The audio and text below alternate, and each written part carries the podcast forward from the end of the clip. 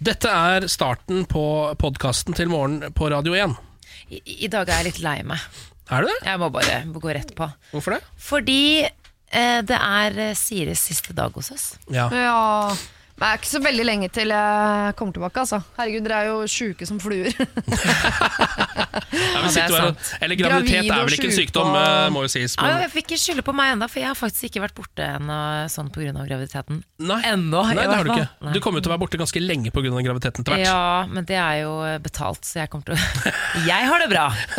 altså, det er ikke synd på deg. Eh, nei, men nei, det har vært hyggelig, Siri. Jeg har lagd en montasje Nei, jeg har ikke det. Oh, for faen, Din tid i huset. Og det har vært din tid i huset. Alle de morsomste tingene du har sagt mens du var her. Åh, jeg skulle ønske at jeg hadde gjort det, men jeg har, jeg har ikke teknisk vett til å gjøre noen ting. Nei. Eh, nei. Eh, hadde jeg tenkt på det, så hadde jeg vurdert det, og så hadde jeg ikke gjort det. For jeg tror ikke jeg hadde giddet å sitte i og, over. Hvis dere vurderer det, så vil jeg få klippet ut noe fra vaginahøneegga til Gwyneth Paltrow, for eksempel. Der Altså, er Ja, der er du der er du jævlig god. Jeg må bare si jeg fikk en SMS av min mor, som selvfølgelig hører på eh, hver eneste dag. Og hun sender jo alltid melding hvis det er noe hun syns er ekstra gøy.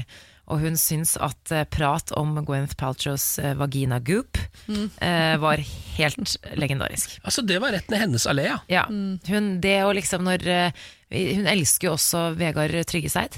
Og gjør hun det? Ja. Fordi hun, han minner henne om hennes favorittfilm Napoleon Dynamite. Og altså, liker Napoleon Dynamite også. Ja, hun er ganske kul. Fantastisk. Altså, det er en amerikansk, meksikansk, norsk kvinne på Det er helt riktig. På eh, 50 Sorry, mamma. Eh, på 58. Det er ikke så verst, altså, hun er jo ganske ung. Fantastisk. Men, eh, ja, nei, men det, altså, bare til de som ikke har hørt uh, vaginapraten i dag. Bare hør. Ja, bare hør det. Og jeg vil også bare si det at Veldig mange har jo uh, på en måte sin målgruppe som Kvinne28. Det er den mest populære målgruppen i hele verden. Uh, når man vil treffe noen med radioprogrammet sitt, trusene sine, hva det måtte være, så er det Kvinne28. Jeg har uh, meksikansk-amerikansk eh, norsk kvinne 58. Bare så, Samme humor? ja, bare så det er sagt. vel, ja. Det er det segmentet jeg Ja. vil treffe, da. Ja, Så jeg har tydeligvis det... Da har, du, t- da har vi truffet. Ja. Ja. Da er det på feil sted i feil tid. Ja, det er jo for så vidt sant. men, men det er ålreit. Ok, nyt denne podkasten. Vi snakkes på andre siden. Da kommer vi inn og sier at det er, at det er over. Bare så du veit det. Nyt så lenge, da. Dette er morgen på Radio 1. God morgen. Vi er på plass her, hele eh, den nye morgengjengen. Den midlertidige morgengjengen. eh, Som er da meg, Kenvas Senus Nilsen, eh, Samantha Skogran, mm, god morgen. God morgen. Og Siri Kristiansen, god morgen. God morgen. Det er jo du som er mest midlertidig av oss, da.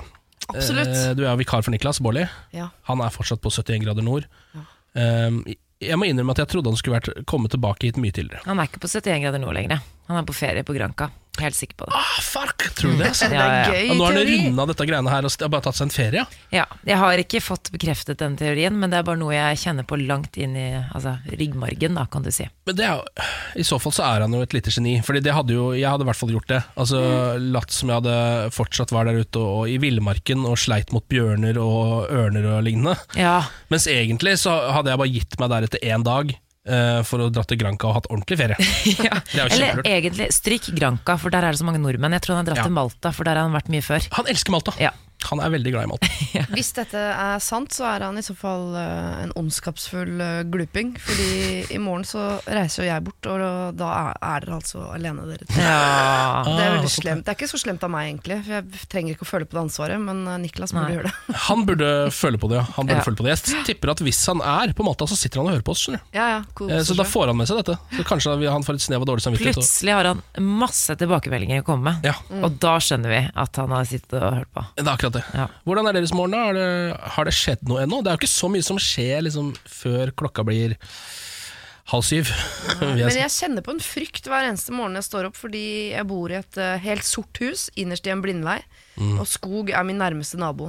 Og jeg syns det er så rart når jeg står opp såpass mye før andre, at ikke jeg skal oppleve noe andre ikke opplever. Så hver morgen jeg går ut, så forventer jeg at det skal være enten en sånn eh, kjempepadde, eller en eh, Kjempepadde. Eh, eller en slange på avveie, eller en mann med ljå. Uh, altså et eller annet. Eller Ja. uh, slemme minimennesker, eller et eller annet som skal stå utenfor huset mitt. Hva med grevlinger, da?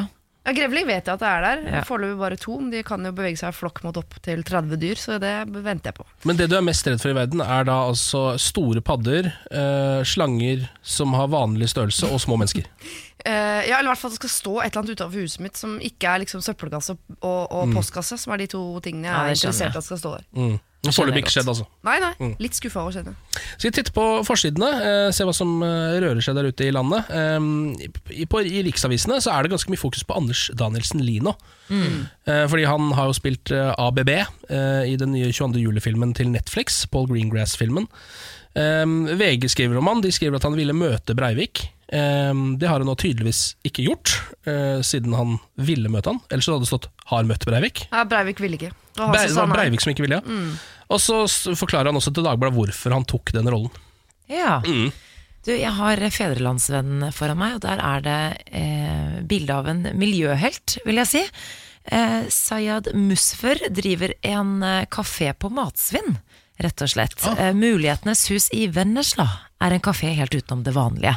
Hver dag kastes det nesten 1000 tonn mat i Norge. Her serveres mat som ellers ville gått i søpla. Ah, steik, Er ikke det bra? Ja, det er veldig, veldig bra. Føler ikke du deg som et dårligere menneske når du hører det her? det gjør jeg også, men så får jeg litt lyst til å dra dit. eh, Ja. For jeg tipper jo at det er sånn eh, At man smaker på det, så er det sånn Det smaker like godt som alle andre kafeer. Det pleier jo å være sånn. Ja, helt sikkert. Antageligvis bedre. Kanskje bedre også. Ja.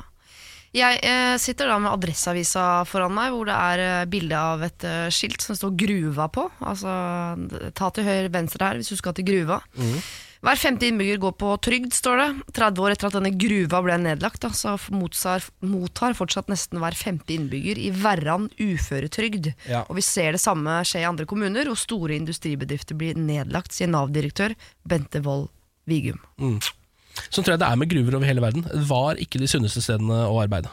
Nei, det var så synd at ikke man finner noe annet. For eksempel starte en restaurant som lager eh, råtten mat. For eksempel. Er du våken nå, så vil vi veldig gjerne høre hvorfor du er våken. Nummer én. Kanskje om du har en god dag eller ikke. Eh, eller bare send oss melding. Ja. Radio1.no. Gjør det. Det er på Facebook, altså. Morgen på Radio 1. Hverdager fra sex. Anonym varsler i Det hvite hus sjokkerer USA. Vi starter med en anonym artikkel som har sendt eh, sjokkbølger gjennom Det hvite hus og USA generelt. Eh, New York Times har gjort noe så sjelden som å publisere en anonym leser... eh, Eller et anonymt leserinnlegg hvor et høyt plassert medlem av Trump-administrasjonen forteller om hvordan han og andre i administrasjonen forsøker å stoppe presidentens politikk. Ja. Det skriver TV 2. Eh, I teksten som starter med 'Jeg er en del av motstandsbevegelsen', står det at de, de har lovet hverandre å motarbeide deler av eh, presidentens agenda. Og New York Times kjenner jo da identiteten til denne forfatteren, men eh, avslører verken tittel eller kjønn, kjønn for å beskytte dette mennesket. Motivet er å berolige det amerikanske folk. Eh, Han skriver følgende, han eller hun skriver følgende Det er kanskje ikke mye trøst i denne kaotiske tiden, men amerikanere bør vite at det fins voksne i rommet med Donald Trump. Vi forstår fullt ut det som skjer, og at vi, vi forsøker å gjøre det som er rett, selv om Trump ikke gjør det. ja. Og det her er, ganske, det her er toppsaken i USA nå. Det er eh, ganske rystende, først og fremst, eh, at eh, det er anonymt. Ja. Det er veldig sjeldent at noen får lov til å gjøre det, men, Ja. eh, men også at en ganske tett på Trump eh, skriver dette. For nå har jo også alle de, eh, alt fra journalisten Woodward, har jo også på en måte drevet og Mm. lekka ut litt nå. Som er mye av de samme tingene. Der er det, også liksom, der er det jo mange navngitte kilder også, da. Ja. Men der er det også litt sånn ehm, Bare for å forklare hva det var, en av de liksom største politiske bombene før dette skjedde denne uken, var jo da eh, Bob Woodward. Eh, han avslørte den Watergate-skandalen for Ja. mange år siden. Eh, beskriver da denne situasjonen, at det er veldig mange personer innad i Det hvite hus som, som prøver å eh, ja, Ja, de- kjempe mot Trump. Ja, for eksempel så hender det at de tar papirer, sånn at ikke han skal se de og sånn. Det, er- Ja. det er så barnslig. Det er, så jeg vet ikke hvis jeg hadde vært amerikaner om jeg hadde blitt beroliga eller bare tenkt sånn Dette her er jo verre enn jeg tror. Eller sånn, det, Ja. dette her er jo det, Dyrehage. Ja, det her er jo fullstendig barnehage, den greia her. Ja. Men den delen som har stemt på Trump, syns vel ikke at dette nødvendigvis er noe god Eller altså, Hvis det skal berolige folket, det beroliger jo bare den delen som ikke Ja. ville ha Trump der. Men, det Ja. som, ja, men forfatteren understreker jo at denne motstandsbevegelsen, som de kaller den, ikke er en del av på en måte venstresiden i amerikansk politikk. De, står, de er veldig for mye av det Trump også er for. F.eks. skattereformen, styrking av militæret. eh, våpen osv. Så, videre. så eh, denne personen er visstnok for alle disse tingene. De bare Ja. mener at Trump er gal. Ja. Så de tar Bare. bort de eh, høyeste pikene, liksom, Ja. når, det, når det er helt ute på crazy-sida der. Ja. Ja, Det er litt godt, da. Det merker jeg til og med betrygger meg her hjemme i Norge. Altså, det er noe alle kunne trenge. Eh, Det er ikke det, men vi andre vi er jo ikke alle som styrer USA, da.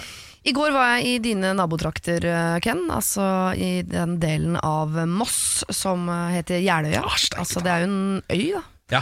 Eh, og på Jeløya der bor på en måte fiffen i Moss. Ja. Der bor de rikeste i Moss, og de har en egen fotballarena som de har kalt for Bellevue. ja.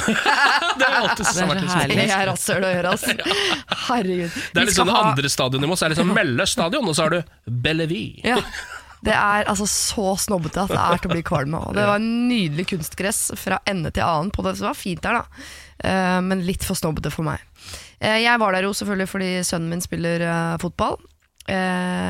Og Altså Min sønn er jo min sønn, liksom. Han er glad i å, å uh, finne noen sånne finter som gjør at han ikke trenger å være med på ting. Hva, hva, hva betyr det? Hvor har Altså, du han, fått det prøver, fra? han prøver å sno seg unna?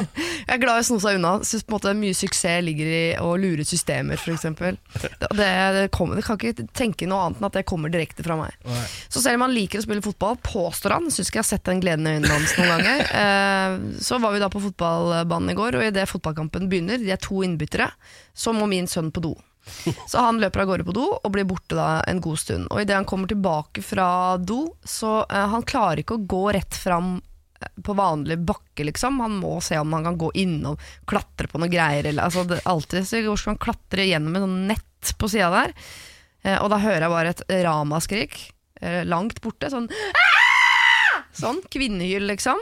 Ja, da har han klart å snuble og kjøre hele hodet sitt inn i en jernstolpe. Nei. Eh, og jeg er vant til at gutten overdriver, så jeg tar det ganske med ro.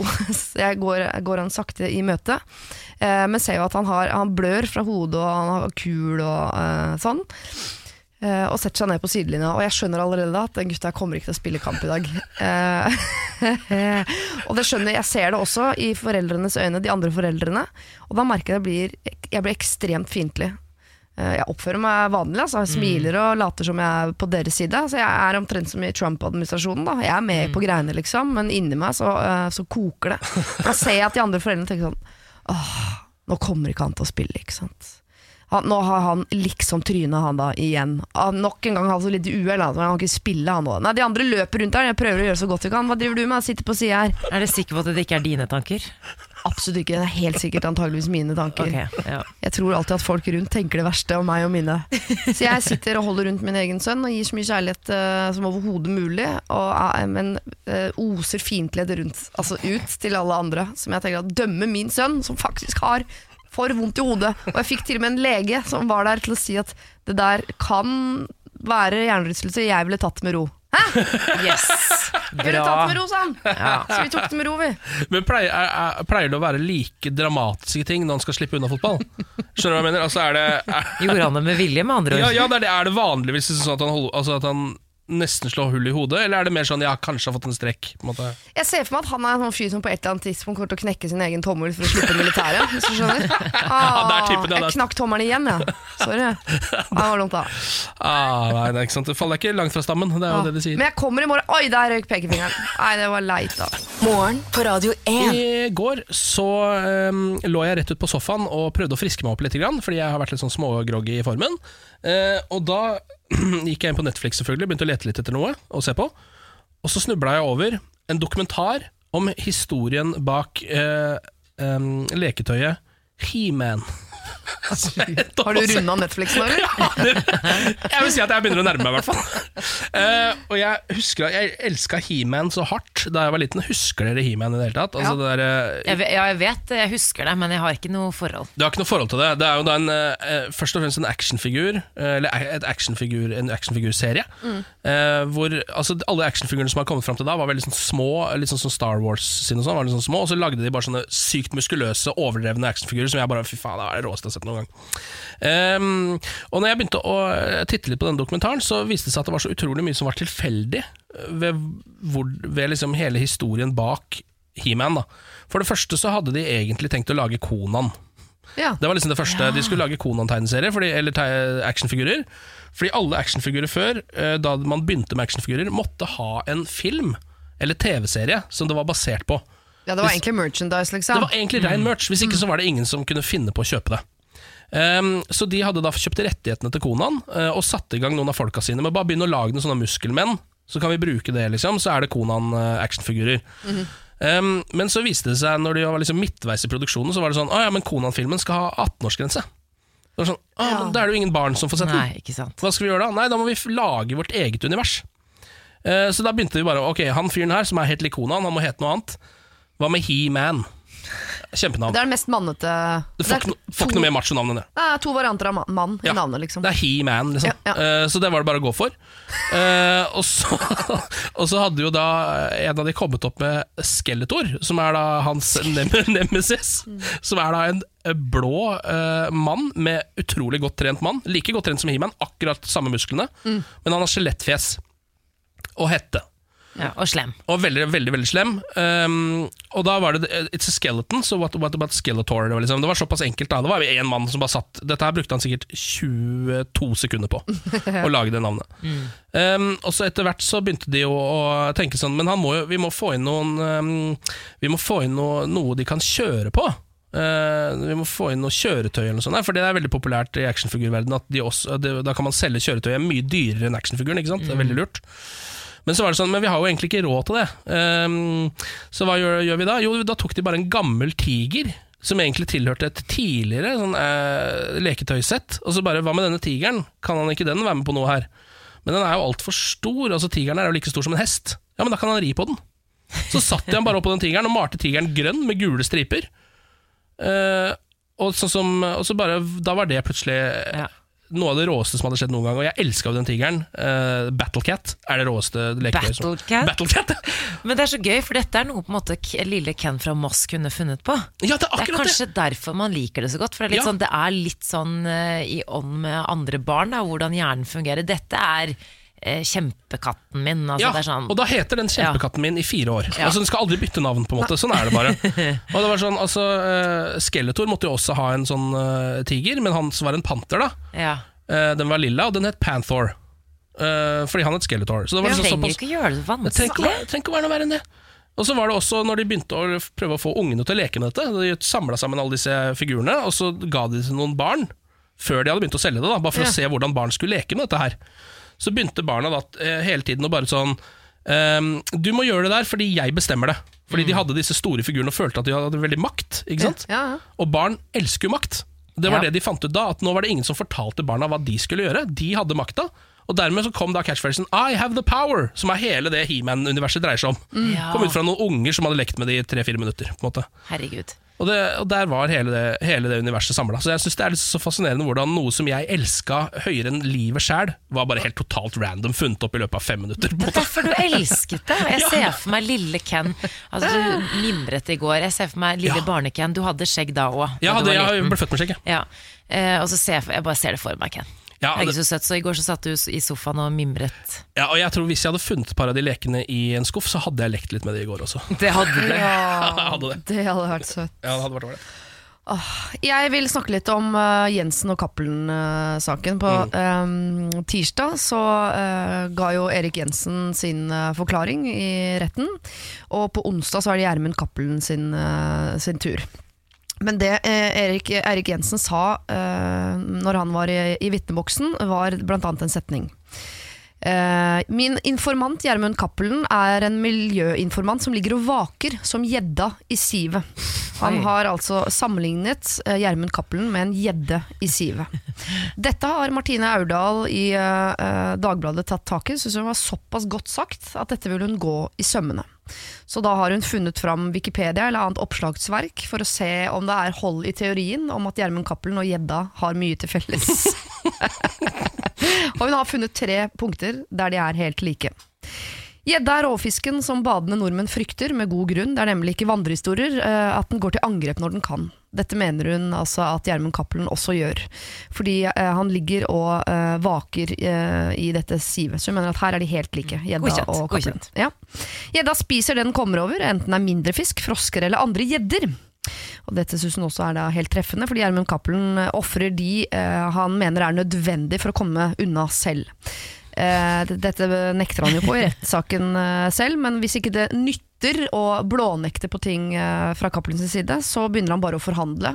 Og allerede på ungdomsskolen så, eh, så begynte han å henge med noen gutter fra Røa og Bærum og sånn, og røyke hasj med de. Men de eh, er blant annet de han har på en måte tystet på til ja. Jensen i starten. Ja, okay, sant? Ikke ja. sånn, Hvis det gagner meg, så ofrer jeg folk rundt meg. Typisk. Akkurat som jeg, Ja. Akkurat som gjedda.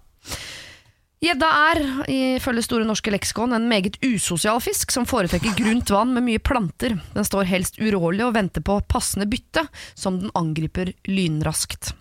Og det klarer altså da eh, journalisten å sammenligne med Cappelen på den måten at det har vært farlig å være for nær Gjermund Cappelen også. Ja. Ja, så hun sjekker inn på tre av tre bokser der, og sier at Gjermund Cappelen er altså Han er en gjedde. Akkurat som gjedda i sivet. Om ikke annet så er det en kreativ tilnærming til kronikk om Ja. denne Ja. saken. For det har blitt skrevet nok kronikker om denne saken. Ja. Så det skal hun ha. ja. Jeg bare håper det noen uh, hermer etter Martine Aurdal og finner andre dyr vi kan sammenligne med. Enig. Ja, Ja. Da må jo først uh, Erik Jensen sammen, Eller det må først brukes i rettssalen. da At han må sammenligne med noe, og så kan vi dra det videre. på en måte Ja. Mm. Jeg tror vi skal, jeg skal prøve å finne bare noen tilfeldige dyr, lese om de i Store norske leksikon og se om jeg kan finne noen likhetstrekk med Cappelen. Jeg begynner med grevling. Hvis det. Det syns jeg du skal gjøre. Dette er morgen på Radio Og 1. nå, dere, så er det tid for eh, litt eh, sport. Fokus på for sport. Jeg eh, liker jo å eh, egentlig i disse, denne spalten min som heter Sportshjørnet, liker jeg å ta med nyheter som ikke handler om fotball. For det blir veldig mye prat om fotball eh, i disse månedene her. Men eh, eh, nå har det altså skjedd så mye i fotballens verden at det blir litt fotballnytt. Ja, men det må være greit. Det Vi kan ta en eh, kikk på overskriftene først. Svett Djokovic til semifinale. Novak Djokovic måtte bryte gjennomsvett. Eh, måtte ta av seg klærne, rett og slett, midt under en, et sett i kvartfinalen i US Open i går. Eh, for det, var, eh, det ble for hett. Men han eh, klarte å holde hodet kaldt nok til å slå John Millman.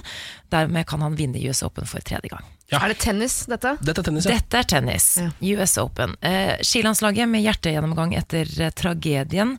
Eh, olympisk mester Simen Hegstad Krüger syns det plutselige dødsfallet til tidligere skiløper Ida Eide er utrolig skremmende. Nå skal hele landslaget kjøre en gjennomgang av hjertet eh, med landslagslegen etter hennes tragiske dødsfall.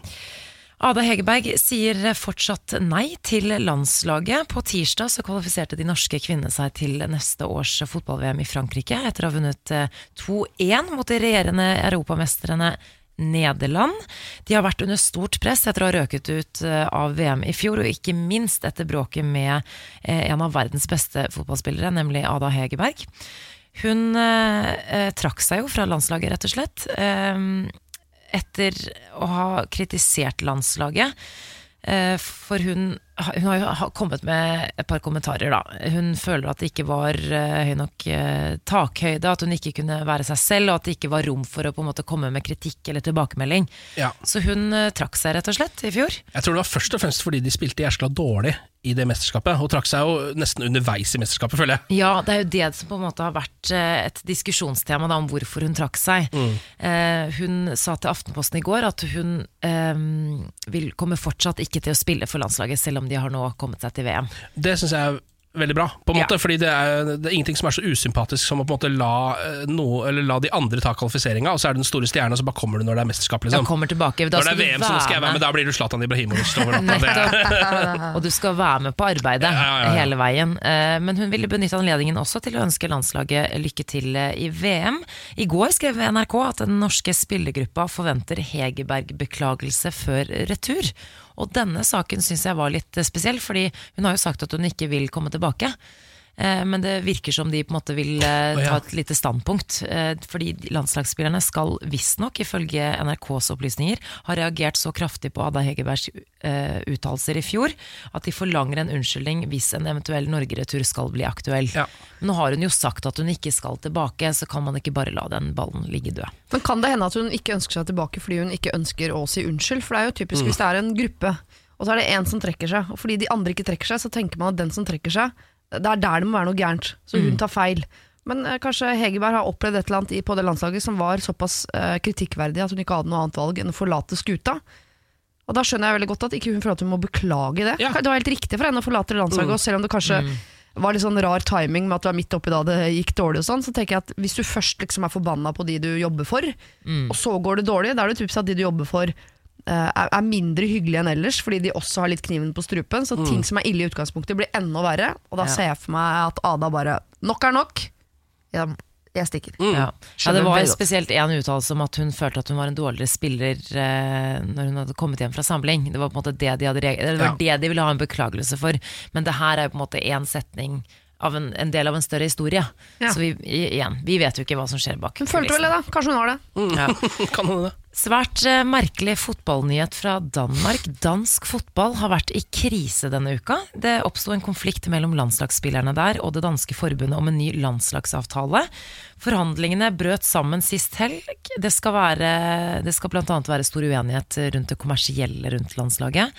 Eh, Det er mye penger involvert her. De danske landslagsspillerne mener forbundet prøver å male et falskt bilde av spillerne som eh, griske skurker, rett og slett. At de skal ha mer penger, og de er ikke enige i hvordan forbundet bruker pengene sine, osv. osv.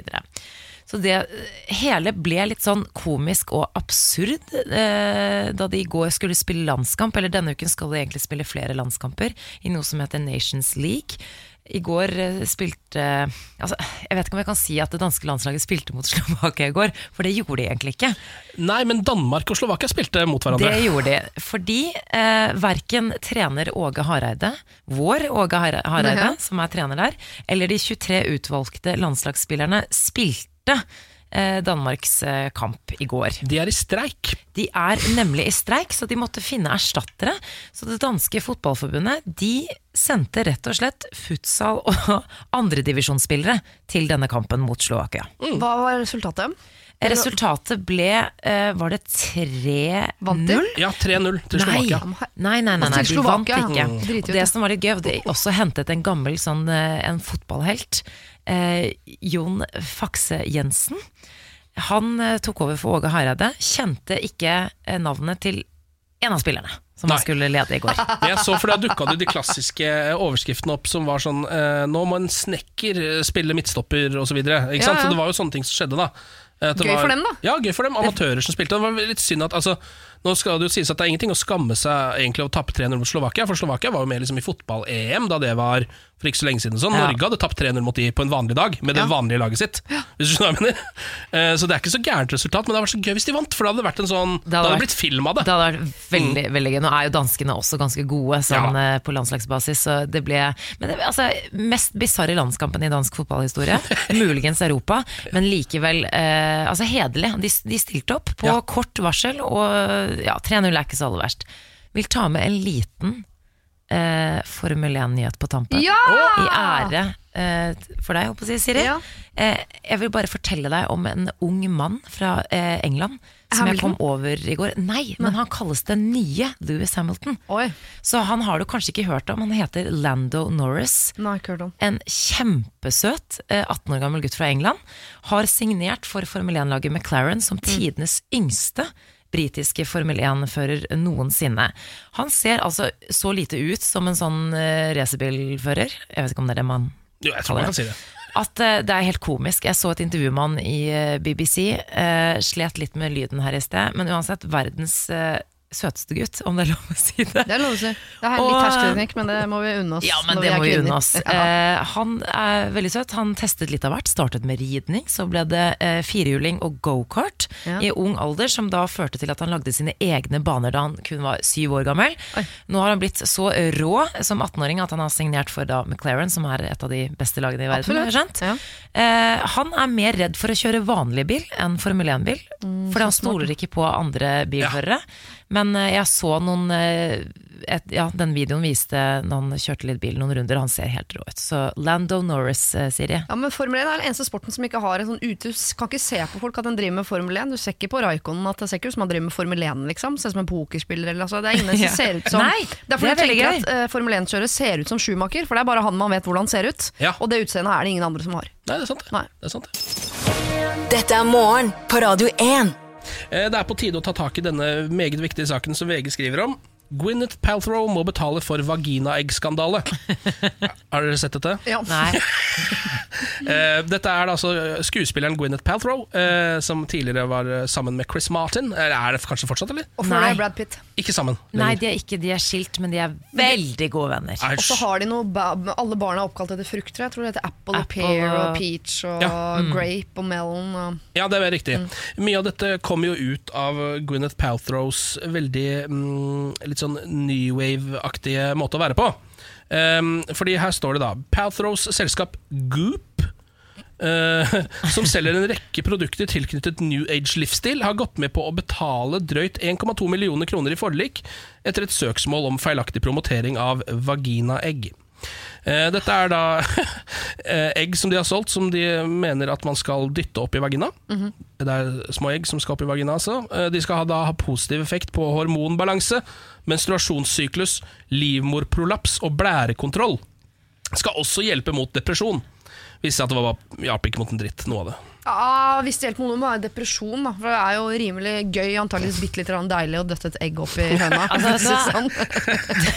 Det er ikke innafor. Jeg vet ikke om det, er, om det er noe som kurerer depresjon i seg selv, men det gjør det jo ikke noe verre, i hvert fall. Det er en veldig kortsiktig uh, kur i så fall. Det er gøy akkurat der og da. Og etterpå blir du bare flau, full av skam, og så er du tilbake der i år. Altså, Gwyneth Paltrow altså, Hun, Det der goop-greiene dine Goop minner meg forresten om det lille som kommer i øyet ditt. Altså søvn i øyet. Ja, Mm. Hun er, hun er altfor sunn. Det blir for mye. Ja, men det er jo på en måte også en slags sånn sunnhet som ikke fins, som hun har funnet på selv. Nettopp. Og det syns jeg er det gøyeste med det. det er liksom, dette her skulle da um, Disse eggene og egentlig mye av det andre som hun selger, skal dyrke seksuell energi, intensivere feminiteten og gi flott åndelig kraft. Uh, og så er det jo selvfølgelig bare pess. Um, Det er scam. ja, det er jo rein scam. Og det er, jeg har på en måte sånn eh, En side av meg sier sånn eh, Herregud, Gwyneth, du må skjerpe deg. En annen side av meg sier sånn De folkene som går inn og kjøper vaginaegg av Gwyneth Paltrow og tenker at det skal gi deg bedre liv, de kan egentlig bare ha det så godt. Altså, Ja, da så tenker er du sånn, allerede på et nivå som er Må man stappe opp Altså må man stappe noe opp i rass eller høne for å være feminin? Det, det, la, la, for å snakke om kvinnekampen. For å snakke om å dra kvinnekampen 100 år tilbake. Paltrow har jo også slått et slag for damping av vagina. Har dere fått med dere det? Nei, vet du, jeg, Er hun veldig opptatt av vagina? Ja, eller? sykt opptatt av vagina! Og pH-balansen i vagina, som visstnok skal bli bedre hvis du Kanskje hun damper den. slet veldig med sopp som barn, eller noe? At det er en gammel traume som uh, ligger der? Hun, hun, jeg tror hun sovner skrikende hver natt. Ah, sopp! pH! Det Så det er bare det eneste hun tenker på hele natta, er hvordan hun skal få gjort om vaginaen sin. Vet du hva som faktisk skjer hvis, bare sånn helt på tampen her, hvis du uh, begynner med steaming, altså damping av vagina? Vet du hva som skjer? Sånn, Har du spist steambønn på restaurant med sånn uh, ribbe inni? Da får Ikke du en sånn- ødelegg det. Da blir høna steambønn. Nei, det som skjer er du får brannskader i vagina. Og dette kommer jeg til å tenke på neste gang jeg spiser steambønn med ribbe og, og Szechuan-saus. Nå spiser jeg høna til Gwyneth Paltrow. Ikke ødelegg steambun! Ok, eh, dere bilder av eksen på Facebook kom over en eh, KK-artikkel. Har kjæresten gamle bilder av eksen på Facebook? Spørsmålstegn.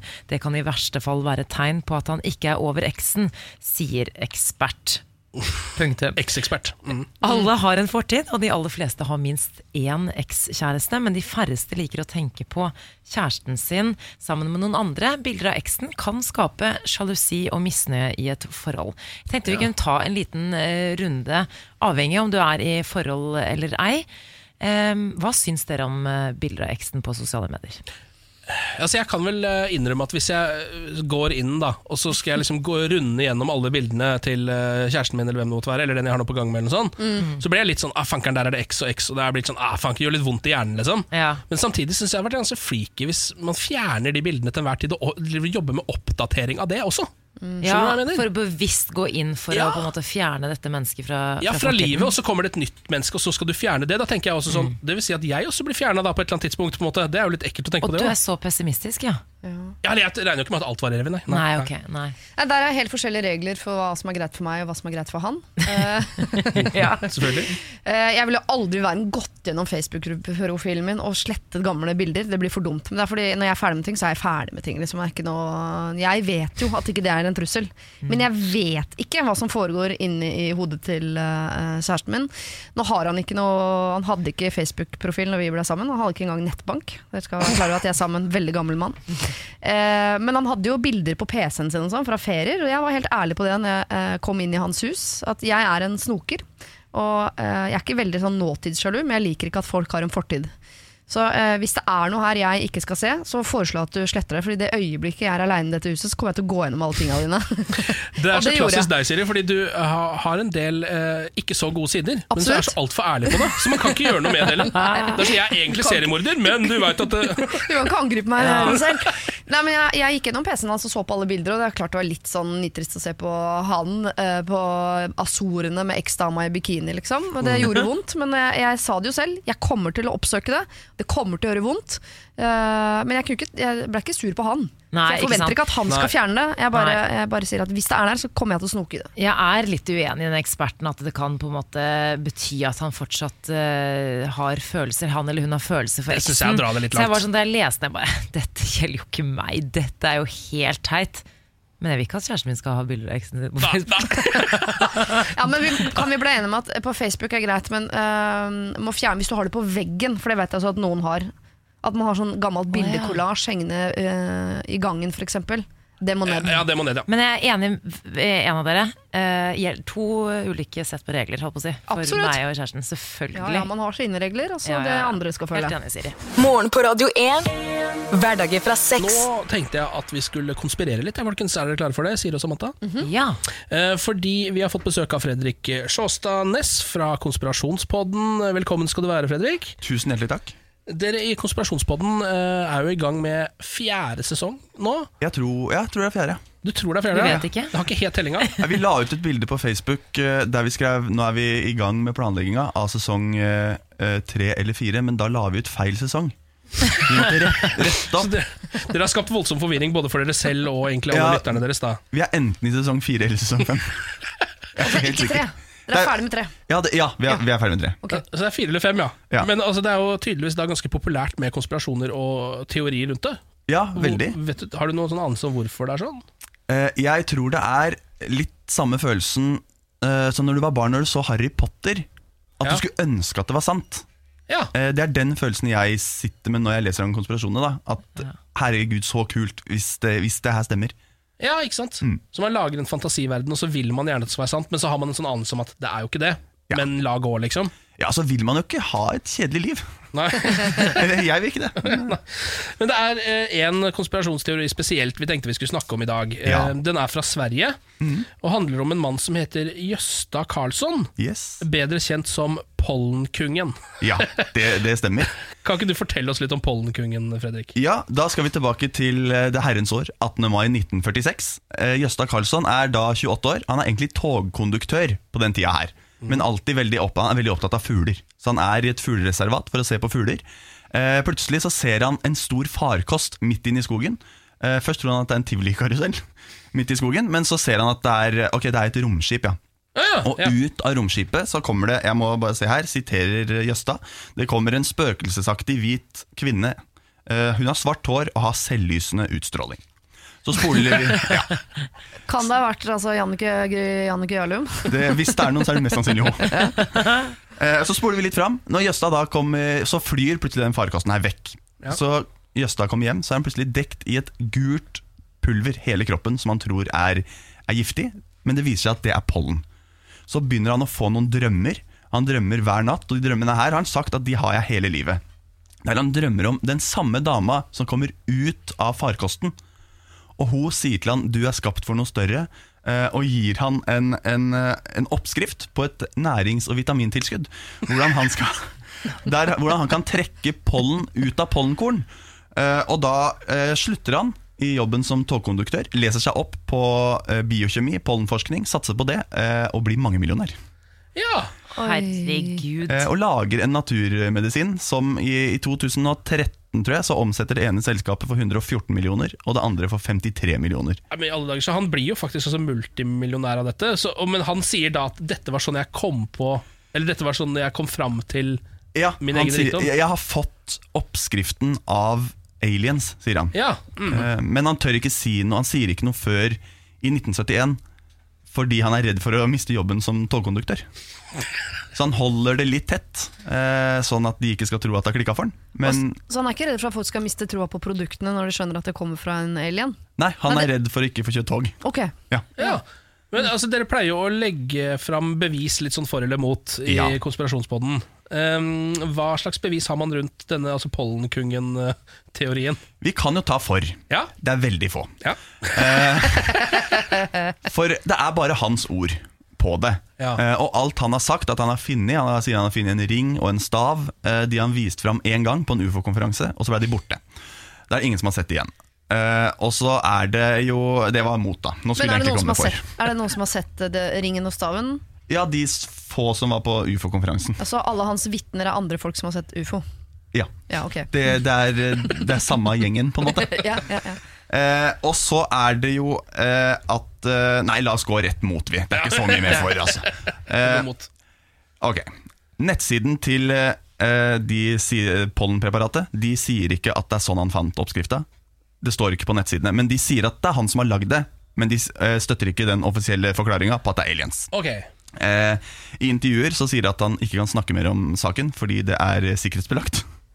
Oh, ja. Ja, eh, Og så viser det seg, det er kanskje det, det mest eh, påfallende beviset mot for meg, at fortellinga hans er veldig lik uh, en uh, fortelling til en amerikansk ufolog som kom i 1958 på svensk.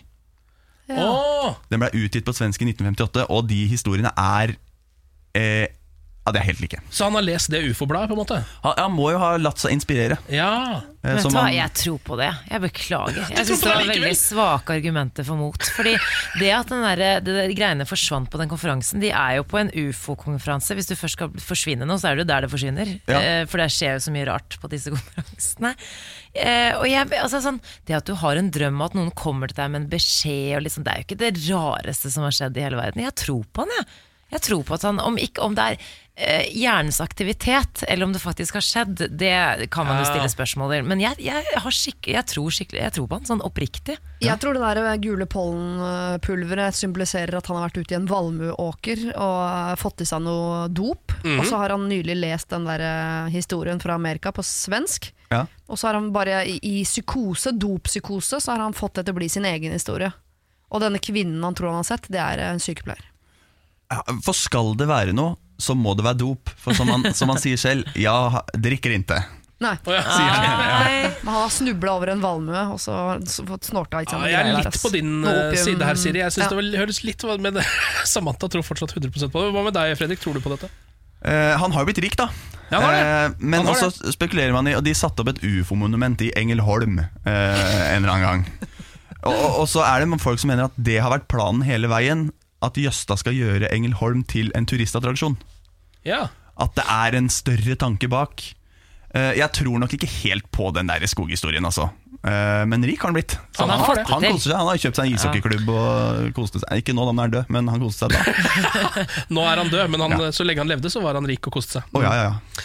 Ja, Det var altså historien om Jøsta Karlsson. Hvis du vil ha flere konspirasjonsteorier og historier rundt det, så er det jo Konspirasjonspodden eh, Ja. som eh, du drifter, Fredrik. Yes. Takk for at du var innom. Takk for at jeg fikk komme. Morgen på Radio 1. Står det bra til med dere, eller? Ja. Ja, veldig godt. veldig godt, veldig godt Em, Her er det en, em, en, en sak som jeg har uh, blitt litt opptatt av i det siste. Full forvirring rundt mystisk 82-åring med hovedrolle. Har du sett dette? Ja, ja, ja. ja, ja. Ja, for Det er en oh, liksom, ja. merkelig sak. Det er den skrekkfilmen 'Suspiria'. ja. Jeg har ikke sett den eh, ennå, men det er veldig mye snakk om den. eh, og Sånn er det jo egentlig med alle skrekkfilmer som kommer. Skal alltid være de skumleste noensinne. Dette er en av de da som skal være den skumleste noensinne. Um, og I denne filmen så spiller Tilda Swinton, eh, skuespilleren, meget god skuespiller. Meget god skuespiller. Skummelt utseende. Hun var jo, Ja. Første gang vi så henne, så var hun ordentlig ordentlig slem i The Beach. Ja, det var der! Ja, Hun prøvde å ligge med Leonardo DiCaprio, det kan Som jeg skjønne, både privat og offisielt, men Ja. mm, Ja, men Har liksom egentlig bare spilt litt sånne hekseaktige roller fram til nå i det siste. Når folk har blitt litt vant til utseendet, så får du lov å spille andre roller også. oh, ja. Eh, Men det som er litt spesielt med denne filmen, er at um, det er en helt ukjent tysker som liksom er 82 år gammel, som heter Lutz Ebersdorf, som spiller en annen hovedrolle i denne filmen. Eh, nå begynner folk å lure på om Lutz Ebersdorf egentlig finnes i det hele tatt, eller om han bare er Tilda Swinton med veldig mye sminke. Oi. Det er en jæskla spennende sak. Fordi um, Det er ingen som noen gang har sett han Han dukker aldri opp på pressekonferansen. eller noe sånt nå. Han har gjort noen intervjuer hvor han bare sier sånn Du, jeg er en veldig privat person, jeg vil ikke, osv. osv.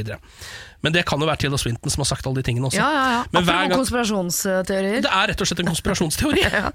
en Hollywood-konspirasjonsteori. Um, og hver gang uh, Tilda Swinton blir uh, spurt om dette, um, så, så svarer hun bare sånn helt sånn med steinansikt, helt sånn alvorlig. Hun blir for eksempel, så er det noen som har spurt sånn Hva syns du om å spille to roller i denne filmen? Hvilke to roller? Sånn er det. Ja. Hele veien. Hun holder bare på det. Og det er helt umulig å si om, om Lutz Ebersdorf uh, er en virkelig person eller ikke. Helt umulig å si. Jeg merker at uh, denne filmen hadde jeg på en måte litt lyst til å se fra før, for det er så mye snakk om hvor skummel den er, og da får man alltid lyst til å gå og sjekke seg sjøl. Tåler jeg Ja. den, eller tåler jeg den ikke? Men nå har jeg i hvert fall lyst til å se den. Altså, det er så jæskla smart markedsføring. Veldig. Hvis det er markedsføring. Ja, og det er de gode på skrekkfilm. Akkurat Husker du Blair Witch Project, også, som de la fram som en sånn eh, Ja, At det skulle være en dokumentar, nærmest. Men eh, det er min største sånn mot konspirasjonsteorier er eh, hvis den er lett å motbevise, de bare gidder ikke, så tror jeg ikke på den. Du skjønner? Her kunne de bare vist Lutz. Og, ja. Ja. og da hadde konspirasjonsteorien vært borte. Det som er veldig De gøy kunne bare ha vist han, og når ikke de gidder Ja. det, så tenker jeg sånn eh, Da, fins han ikke. Ja, Det er litt gøy også hvis det bildet av den gamle mannen bare er en random mann som bare tilfeldigvis sto på Ja. altså, skjønner, Jeg ser jo det bildet, jeg har jo sett bildet, sammenligningen mellom Tilda og den andre. Samlet inn 3,4 millioner til hjemløs mann, nå skal pengene være borte. Har dere fått med dere denne saken? Ja. Johnny Bobbitt jr., en 35 år gammel hjemløs veteran, eh, brukte en kveld i fjor sine siste 20 dollar på å kjøpe bensin til en kvinne som gikk eh, tom, rett og slett da hun sto eh, alene ved en avkjørsel fra motorveien i eh, et eller annet sted i USA. Eh, Hun hadde ikke penger å betale ham tilbake der og da, men dro tilbake noen, sen, noen dager senere for å gi ham penger, og dro tilbake flere ganger for å gi ham mat og vann, og fikk et slags vennlig forhold til denne mannen og ville da hjelpe han. Ehm, deretter så opprettet eh, denne kvinnen, eh, 28 år gamle Kate McClure, og hennes kjæreste Mark en innsamlingsaksjon på GoFundMe eh, for Bobbit, som er sånn eh, innsamlingsaksjonsside hvor man kan samle penger og sånn. Eh, Over 14 000 mennesker donerte da totalt over 400 000 dollar. 3,4 millioner norske kroner. Ehm, for å gi til denne mannen, rett og slett. For han, eh, de ville gi noe tilbake, og jaggu meg ble det mer penger enn de kanskje hadde forventet. For nå sier advokaten til Johnny Bobbitt, eh, den hjemløse, at pengene er borte. Ah, shit. Ehm, Ja. ja, og nå har det altså blitt trøbbel, fordi eh, Johnny Bobbett eh, han saksøkte altså dette paret for å ha misbrukt mesteparten av eh, disse midlene. Eh, paret derimot sier jo da at de har vært forsiktige med å gi ham penger, fordi de fryktet at han ville bruke dem på narkotika. Eh, men nå har en dommer altså beordret dette paret til å overføre pengene til eh, en konto eh, der det står at en dommer skal avgjøre hvordan de skal brukes, men pengene skal gå til, til Ja. den hjemløse. Ja, fordi altså, det, Jeg tror jo ikke helt på dem. Altså, det, er sånn, det er alltid fint Det er jo sånn som jeg alltid sier at sånn, Jeg gir aldri penger til tiggere, for jeg tror de bruker det på heroin. Det er liksom en, noe Ja. man kan gjemme seg bak alltid. Men det er jo et eller annet med sånn ja, du, vi, La oss samle inn masse penger til eh, denne personen. Oi, Mm. det ble 3,4 millioner kroner. Jeg tror han kommer til å bruke den på narkotika. La oss ikke gi det til han likevel. Ja, jeg synes, også jeg tror jeg at de fikk litt sjokk over hvor mange som donerte penger. Det var over liksom, Det er jo det som har skjedd der. Det er bare sånn, Dette er om altfor mye penger til å gi til en uteligger, har de tenkt. Nettopp, og paret nekter jo for, for at de har gjort noe galt. Men han Mark, han ene i, i det paret, forteller at han har brukt 500 dollar eh, av pengene på gambling fordi han ikke hadde med kasinokortet sitt, men hevder å ha tilbakebetalt dette, da. Herregud, for Det en der er jo lett å finne ut av. liksom Du må jo bare gå gjennom økonomien deres, så må du se om de har uforholdsmessig ja. høyt forbruk liksom for å ha den inntekten de har. Men, det der, er- eh, men det der, den saken der starta jo som en sånn sak som hvor alle kom i veldig godt lys. Altså Ja. Han hadde gitt penger, Han var uteligger og hadde gitt penger til eh, de som skulle gi pengene tilbake. Og nå plutselig så framstår alle usympatisk. Mm. ja. Ja, Men jeg, synes, jeg heier fortsatt på Johnny Bobbett jr., Ja. for han har egentlig ikke gjort noe galt her, er annet enn å hjelpe en kvinne i nød. Er. Er. Uteligger med advokat altså sier alt om amerikanere. De er, har ikke noe hjem, men de har advokat, og de har stort sett bil. Uteligger med advokat, det er, det er veldig bra, det. Morgen på Radio 1. Anonym varsler i Det hvite hus sjokkerer USA. Storavisen New York Times har eh, publisert et anonymt leserinnlegg eh, fra en som skal være høyt plassert i Trump-administrasjonen. Denne personen skriver om hvordan eh, han eller hun og andre i Det hvite hus forsøker å stoppe presidentens politikk. Dette skriver eh, TV 2 og egentlig alle andre eh, nettsider i verden. Eh, I teksten som starter med 'Jeg er en del av motstandsbevegelsen', står det at det er en eh, gjeng altså, som har lovet hverandre. Eh, en gjeng som står ganske tett på, eller jobber tett på president Trump. De jobber for å motarbeide deler av presidentens agenda. Og New York Times de vet hvem eh, dette mennesket er, men de avslører verken tittel eller eh, kjønn på vedkommende som jobber for presidenten. Eh, motivet, til, motivet bak dette leserinnlegget er rett og slett for å berolige det amerikanske folk. De vil bare understreke at det fins voksne folk i rommet med Donald Trump. Jeg tipper det er flere alternative motiver her også. For jeg tipper, Hvis jeg først hadde jobba meg inn på Det hvite hus, vært en av Trumps nærmeste, men allikevel parallelt med det klart å samle sammen en gjeng som latet som vi var på lag med Trump, eh, men samtidig motarbeidet, så hadde jeg hatt så behov for eh, ros og feedback på dette Ja. enorme prosjektet at dette, Ja. dette måtte jeg hatt ut til folket. Ja, ja, ja. Så jeg, måtte, ha- jeg hadde hatt et enormt behov for å si fra til verden sånn, Se hva jeg har fått til! Ja. Altså, Men tror du ikke det skjer om sånn fem år? jo, man får det jo, eller hun, han, eh, får Ja. det på en måte nå, eh, selv om eh, man er anonym, så får man en, en verden som er eh, faktisk opptatt av det du har fått til. Ja. Eh, Donald Trump mener jo selvfølgelig at dette er tull og tøys. Eh, fake news. Hør på det her. When you tell me about some anonymous source within the administration, probably who's failing and probably here for all the wrong reasons, no. And the New York Times is failing. If I weren't here, I believe the New York Times probably wouldn't even exist. And, and someday, er mye 'probably' her, men han bekrefter på en måte at uh, 'this person is failing', 'probably not doing his job'. Ja. Bekrefter på en måte at han, han tror litt på det. Ja, ja, ja, ja, ja. Ja. men han avkrefter jo virkelig ikke. Nei. Ja, det er bare sånn, ja, dette stemmer, men det som også stemmer, er at New York Times også suger, sier han bare. som er jo sånn han pleier å ordlegge seg, det. Og de talene hans er som å gå på stand. Du hører at publikum er sånn standup-publikum, liksom. Ja. Så de drikker øl og klapper og ler og koser seg. Det er veldig deilig. Dere lovte dere at jeg skulle sammenligne Gjermund Cappelen med opptil flere dyreraser i løpet av dagen i dag. Og dette gjør jeg på bakgrunn av at Martine Aurdal i Dagbladet tok tak i eh, en beskrivelse av Gjermund Cappelen som Erik Jensen kom med på tirsdag da han eh, vitnet i rettssaken. Da sa han nemlig at Cappelen var eh, som en gjedde. eh, som gjemte seg i siv og klarte å angripe på det hele tatt. Så Aurdal tok tak i alt ved gjedda, gikk gjennom Wikipedia-profilen til en gjedde, og sammenlignet da opp mot Cappelen, og fant mange likhetstrekk. Jeg eh, sa at jeg skulle sammenligne han med en grevling, fordi det er et eh, dyr jeg er litt opptatt av om dagen. Jeg måtte ha flytta to grevlinger inn i hagen min, og jeg leser om grevlingen her. Eh, grevlingen er lett å kjenne igjen med sin karakteristiske svarte stripe over hodet og kraftige bygning. Altså Han er jo ganske kraftig bygd, denne Gjermund Cappelen. Ja. Grevlingen ligger i hi om vinteren, det vet jeg ikke om Cappelen eh, gjør, men vekta varierer gjennom året, fra 9 til 16 kilo for hanner. Jeg, tror, altså jeg mener ikke at Cappelen veier fra 9 til 16 kilo, men jeg tipper vekta hans varierer med, mellom 9 til 16 kilo i året. ja, det kan At han går opp og ned sånn ca. 10 kilo hvert eneste år, ut ifra eh, om han selv eh, er, er bruker eller ikke av produktene sine.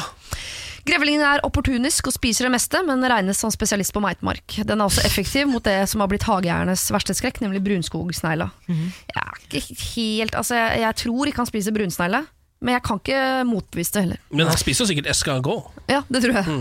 Grevlingen er hovedsakelig aktiv om natten, tida mellom halv tre og halv fire, ofte kalt grevlingens time. Og det tror jeg også gjelder Cappelen, så det kommer til å bli kalt for Cappelens time etter hvert, for det er antageligvis da han holder på. Jeg gikk videre til et annet, en annen dyrerase. Jeg kan også si om grevlingen at uteaktiviteten er minimal. Det tror jeg vi kan si om Cappelen. Han tror jeg sitter mye inne. Ja, mye inne. Eh, Spekkhuggeren gikk jeg til, fordi det er jo på en måte en, eh, I likhet med gjedda lever den i vann, men den er større og farligere. Eh, og om spekkhoggeren står det Spekkhoggeren spiser organismer som fisk, sel, skater, delfin og hai, men av og til også mennesker. Eh, og det vet vi at Cappelen gjør, han spiser faktisk mennesker. Man regner med at han har angrepet mennesker som ligner på sel fra undersiden. Det vet jeg ikke, jeg har ikke sett Jensen fra undersiden. Men at Nei. han ligner på en sel, det tipper jeg. Ja, han har litt selaktig kroppsform. Ja, han har jo det. Selv om barn er i størst fare for å bli spist, eh, står det. Um, den angriper mennesker under fangenskap, så hvis han får en fengselsdom, så tror jeg vi skal være jævlig forsiktige med Cappelen. Eh, Spekkhoggeren bestemmer seg først for hva som er bytte, før jakten starter, så jakten er alltid planlagt på forhånd, og det tror jeg Cappelen også har gjort. Eh, Den tilhører toppsjiktet i næringskjeden, og mange mener at deres intelligens er uten sidestykke i dyreverden. Intelligensen kommer tydelig fram i spekkhoggerens kommunikasjonsmetode, som kan virke som et slags primitivt språk, men hver flokk bruker sin egen dialekt og har klart å skille ut forskjellige ord. Og dette er jo da dette blomsterspråket. Blomsterspråket. Så Cappelen har mye til felles med eh, spekkhoggeren. Et bitte lite dyr til slutt, som jeg bare sjekket fordi det er mitt favorittdyr. Jeg ville ikke at det skulle ha noe til felles med Cappelen. Er det pinnsvin? Nei, det er rødpandaen. Åh. Å, den er søt. Eh, og det eneste likhetstrekket jeg fant mellom Gjermund Cappelen og rødpandaen, er at hodet er rundt med forholdsvis store stående ører. Det er det eneste jeg kan si, fordi ellers om rødpandaen står det at når pandaen har sovet eller spist, er det vanlig at den steller seg grundig gjennom å slikke seg ren over hele kroppen. Den bruker poter og labber til denne jobben, men på ryggen må den stelle seg mot en trestamme eller lignende. Den er svært nøye med renhold. Det tror jeg ikke Cappelen er. Bare fordi han er kriminell, liksom? Er det derfor du tror han Ser ut som en møkkete type. ass. Ok, men Da har vi fått eh, slått fast i hvert fall at eh, Cappelen er ganske lik gjedde. eh, Ja. Ganske lik grevling. Ja. Mm. Ganske lik spekkhogger. Ikke så lik rødpanda. Ingenting til felles med rødpanda. Eh, Nå er det lokalstoff. Vi følger jo Glåmdalen, lokalavisa denne uka, som dekker kommunene Kongsvinger, Eidskog, Sør-Odal, Nord-Odal, Grue, Åsnes, Våler og Nes. Vi har vært innom saker som rundbrenneren Borgenstjerne, som lå seg gjennom hele Norge med avstikkere til Sverige eh, og Danmark og Finland og hva det måtte være. At det er veldig mye dasstyveri i området der, har vi vært innom. eh, Utedasser. Og I går så snakka vi om Bodil, som ble ramma av en e-postsvindel, eh, men virkelig ikke befinner seg i Ukraina. I dag eh, er det en litt merkelig liten sak eh, som heter 'Politikerne nekter Jokerbutikken å selge øl'. Med kun én stemmes overvekt har Nittedalspolitikerne nektet å gi den nyåpnede Jokerbutikken på Rotnes salgsbevilgning for øl og rusbrus. Dermed blir eh, den en, dette den eneste dagligvarebutikken i Nittedal som ikke har lov til å selge alkohol. Hvorfor? Ja, så står det, det står det her også. Hvorfor? står det. Nei, det kan ikke avisen Varingen svare på. Som er da en avis de refererer til her. Politikerne kasta nemlig alle tilhørerne på dør idet de skulle uh, gjøre dette vedtaket. Uh, så bak lukkede dører så ble de enige om at denne butikken ikke får selge øl. Og det er da den eneste dagligvarebutikken i Nittedal som ikke får lov til å selge øl og rusbrus. Helt umulig å vite hvorfor. Det kommer til å forbli et mysterium for resten av dette året, sannsynligvis mange år framover. Jeg tror at uh, noen i nær familie til de som har beslutningsmakt her, er sterkt alkoholiserte og bor i nærheten av denne butikken. Så de har bare sett det som en metode for at denne personen ikke skal få tak i øl når den får eh, lyst på. Var Ja. det Nittedal? Ja, Ja, tror jeg vet hvem det er. ja, du, Er det ja for, da, for da er det sånn men du må, du må jo vite da at Torgeir kommer til å være her hver dag og Ja. kjøpe øl. Så her må det ikke være øl i dette området. Ja. Ja, det, det, det, det synes ikke den er så Jeg dum, skal sørge for at butikken i nærheten av meg, i Son, ikke har sjokolade. Ja, ikke sant? Du må komme deg inn i byrådet. Har du beslutningsmakt der? Ikke ennå. Ikke ennå. Du kommer til å ha så mye beslutningsmakt der du på sikt. Dette er morgen på Radio 1. God morgen, god morgen, du hører på Morgen på Radio 1. Jeg heter Ken. Eh, Siri Kristiansen er på besøk. Hallo, Siri. Vikar for Niklas Baarli enn så lenge. Samantha er selvfølgelig her. Hallo, Samantha. Nei, skål, da. Ja, skål. Og nå har han kommet inn! Den to meter høye slampen fra Bærums Verk i Bærum kommune. Lars Bærum, velkommen skal du være. Mm. Hyggelig, hyggelig, hyggelig. hyggelig. Asker og Bærums Budstikka, det er der jeg er fra. Ja. lokalavisa vår, da. Ja, Ja. det er helt Jeg riktig. tror det er landets største, ja. Er det det? Altså landets største lokalavis. Ja, må jo være det. Vi sier det. Det kan godt hende. Før noen svarer, så Ja. er det det. Det kan godt hende. Ja. Eh, Du er jo her fordi at du av en eller annen grunn er den som har fått oppgaven med å quize øvrige programledere i dette programmet. ja, det er fordi jeg var smart nok til å skjønne at eh, jeg kommer dårlig ut eh, på andre sida i en quiz. Ja. Så jeg sa la meg stille spørsmålene, og siden så har jeg blitt opplevd som svært smart. Det er rart, det der. Men da er du smart. Ja, man blir det. Men jeg er jo ikke det. Men vi kjører quiz. Er du klar? Ja. Lars Bærums morgenquiz. Ja da, disse reglene er jo egentlig tre spørsmål. Mm. Rett og slett, alt skal besvares, helst riktig, og så kommer alle svarene til slutt. Nå mista jeg Nå mista jeg hele Det som skjedde nå var at Hodetelefonene til Lars falt rett i gulvet, og det så også så komisk ut. Eh, Det ble et slags Leif Juster-øyeblikk her i studio. Og jeg som akkurat Jeg, heldigvis, jeg sa heldigvis at jeg ikke er smart, egentlig. Ja. For dette så veldig dumt ut. Ja, det gjorde det. Her skal vi ha TV. Akkurat, Akkurat- jeg tror vi fikk det på film, egentlig. Oi, vi er på film, ja. Yes, Flermedialt uh, opplegg vi driver med her i Radio 1. Ja, ja, ja. ja men det er eh, gøy, det. På min bekostning. Jeg starter som en liten klovn, som jeg er. Eh, det jeg prøvde å si at reglene egentlig er tre spørsmål, alle skal besvares helst riktig. Og så får dere alle svarene helt til slutt. Jeg har lagd temaquiz i dag. Å, så bra, da. Ja, Og temaet er frokost. Oi! Å, deilig. Men Ja. du, skal vi ha lagnavn, eller? Ja, ja, selvfølgelig. Oh, ja. Er du gæren? Dere slipper ikke unna lagnavn. Nei, nei nei, nei. Nei. Ja, Hva er lagnavnet? Det blir ikke quiz uten at eh, gruppa har et lagnavn. Jeg har et, jeg vet ikke om det er brukt, men eh, det lyder i hvert fall som følger. Scusi signor, quanta quista? Var langt. Men det er da et forsøk på å Unnskyld si meg, min herre. Ja. eh, Hva koster hvor det? mye qui quister det? Ja. Ja, veldig Wow, men den er kul. kjempebra. Det er jo mye nordmenn eh, nedover Ja. i For mange for Ja. eh, Spania. Så det er sikkert mange der nede som setter pris på det. Vet ikke hvor godt vi slår an blant Frp-velgere. Nei, det vet ikke jeg heller. Nei, akkurat men som det er ikke det vi skal snakke om, Ken. Nei, nei, nei. Vi skal snakke om quizen frokost. Første spørsmål, er dere klare? Ja. Vi nordmenn vet hva frokost er. Men hvis du møter en danske, og han eller hun eller hen sier at øh, den skal spise frokost, hvilket måltid på norsk er det da han skal spise? Jeg vet det er lunsj. Ja, det kan hende, fordi eh, Oi! Jeg har sett på Badehotellet. Ja, fordi fro altså, frokost er det er må, må more Må Mommy. Og så er det, når de sier frokost, det er lunsj. Det syns jeg var et kjempebra svar. Ja, for du har Tusen sett på takk. Badehotellet, som er den TV2-serien Eller som går på TV2? Ja, det, er, eh, det skal være på 30-tallet. Ja. Og der, er det mye, der var de veldig opptatt av disse, disse begrepene. Frokost og morgenmat. Så frokost morgenmat. er lunsj, da. Det er lunsj. Ja. Og morgenmat er frokost, da, på mm, dansk. Ja. ja. Ok, ja, Du var veldig forvirra da du så på Badehotellet i begynnelsen, Samantha. Ja, jeg skjønte ingenting. Jeg, jeg måtte se på tekstene. For mye av plottet spinner rundt akkurat det. ikke sant? Ja. Jeg ja. Vi har avslørt det er ikke vits å se på Badehotellet, for det handler bare om frokost. Spoiler! Eh, ok, da går vi til spørsmål nummer to. Yep. Eh, når kom kaffen til Norge? Det er en sentral del av frokosten. oi, oi, oi, oi. Når Ja, kom kaffen til Norge? eh, Ja. Og hvor kom den fra? Tror du vi får ekstrapoeng? Jeg kan ikke det heller. Altså Amerika. ja Sør-Amerika ser jeg for meg den kom fra. Colombia, Ja. Brasil.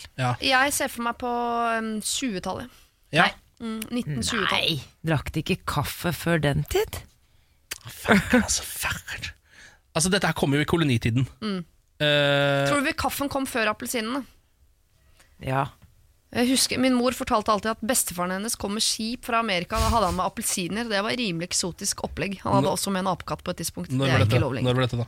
Eh, det- Når mamma var liten, da, eh, det var jo, hun ble født i 1950.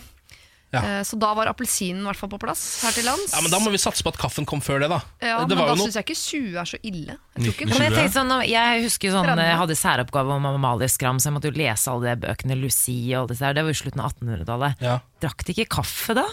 I alle de der, eh, Ja, Tenk på Ibsen all døde vel i 1903 eller noe sånt. 1906-1903. Ibsen, skrev ikke han om kaffe da? Eller? Fikk Ibsen alle Spørsmålet er nå Drakk Visste Ibsen hva kaffe var? Ja, dette var vrient. Skal vi gå litt tidligere til verks? Hva med at vi sier uh, tidligere på 1900-tallet? Altså sånn 1920 var det du var inne på. Hva hvis vi liksom prøver 1902? Ok, jeg kan godt si det? Jeg har, 19 blank, da. Så Ibsen fikk kaffe på dødsleiet? Ja, det var det jeg tenker. Ja, ok. 1920? 1900, altså, de Amalie 1900 var jo slutten av 1800-tallet, men ok, vi kan si 1902 da. 1902. Ja. Ok, Da kommer eh, spørsmål nummer tre. Mhm. Hva inneholder en full English breakfast? Syv ting. Ja, eh, skal, Scrambled eggs, Beans, beans, ja, Det trenger ikke å være scrambled eggs, det er bare egg. da oh, ja, egg, ja. beans, Sausage. tomato, sausage, Ja. Toast. Uh, toast. Hash browns. Er Nei, det, det er engelsk? Kanskje Eller er det skotsk? Liksom? er amerikansk, er det ikke det? Det er Nei, det er skotsk. Haggis er skotsk. Ja, men hash browns er ikke skotsk. Vet du hva hash browns er? Er det hasj? Det er eh, poteter. Ja. Eh, jo, men det er vel noen hvor mange har du poteter. nå? Nå er jeg fem. Var det syv ting? Vi har sausage. Eh, beans. Beans Ja. har vi, ikke Ja, sant? ja, ja. Og så er det toast, og så er det egg, bacon. Bacon er ikke med. Bacon er med. Tomat. Ja, det har jeg med. Du har med Men det. er ikke med tomatsaus eller ketsjup. Jeg vet ikke om det er noe annet. Ja, De steker jo en Ja. De pleier å ha en stekt tomat oppi der. Veldig ofte. Er det Eh, te? Er, er drikkevare med, Lars? Eh, dere kan godt eh, ta det. Te. Ole. Kan godt ta det. Ja, men altså, nå spurte jeg liksom ja, Det må ikke ha med drikke, men det er bare å kjøre hvis dere kan Ja, drikke. men Er det en av de syv? Nei. Å nei. Nei, men Da kanskje vi bare skal si poteter, da. Altså ikke Ja, hash browns, men bare poteter. poteter. Ja. Potet. Ok, da går vi og får alle svarene. Ok. Ja. Da går vi først på første spørsmål. Hva er frokost eh, på da, Hvilken måltid på norsk er frokost i dans? På, på, på dansk, eh, og det var helt riktig. Frokost på dansk er lunsj. Ja, det er veldig rart, men det og klarte vi. eh, frokost i Danmark er morgenmat. Morgenmat. Morgenmat. Ja, morgenmat. Eh, og så, så det er helt riktig. Gratulerer. Ja, takk for det. Spørsmål nummer to. Når kom kaffen til Norge? Her eh, ble det 1902 som ble svaret. Ja, at Ibsen skulle få smake sin første Tåra-kaffe på dødsleiet. Nei, Den kom inn i 1600-tallet, altså. Ja, Ja, jeg ja. det var Da var det, det er beskrevet fra noe tollvesen som fikk kaffe, men den hørte jo veldig eliten til. da Ja, Selvfølgelig Og så ble den mer og mer vanlig. Så jeg tror faktisk eh, Bomma med 200 år, altså. Ja, det var jo Altså, synd på Nora, det var det, men jeg tror hun fikk sin kaffe, i hvert fall. Ja, ja, ja, ja. ok, da gikk vi på spørsmål nummer tre. Hva inneholder en full break, eh, eh, English breakfast?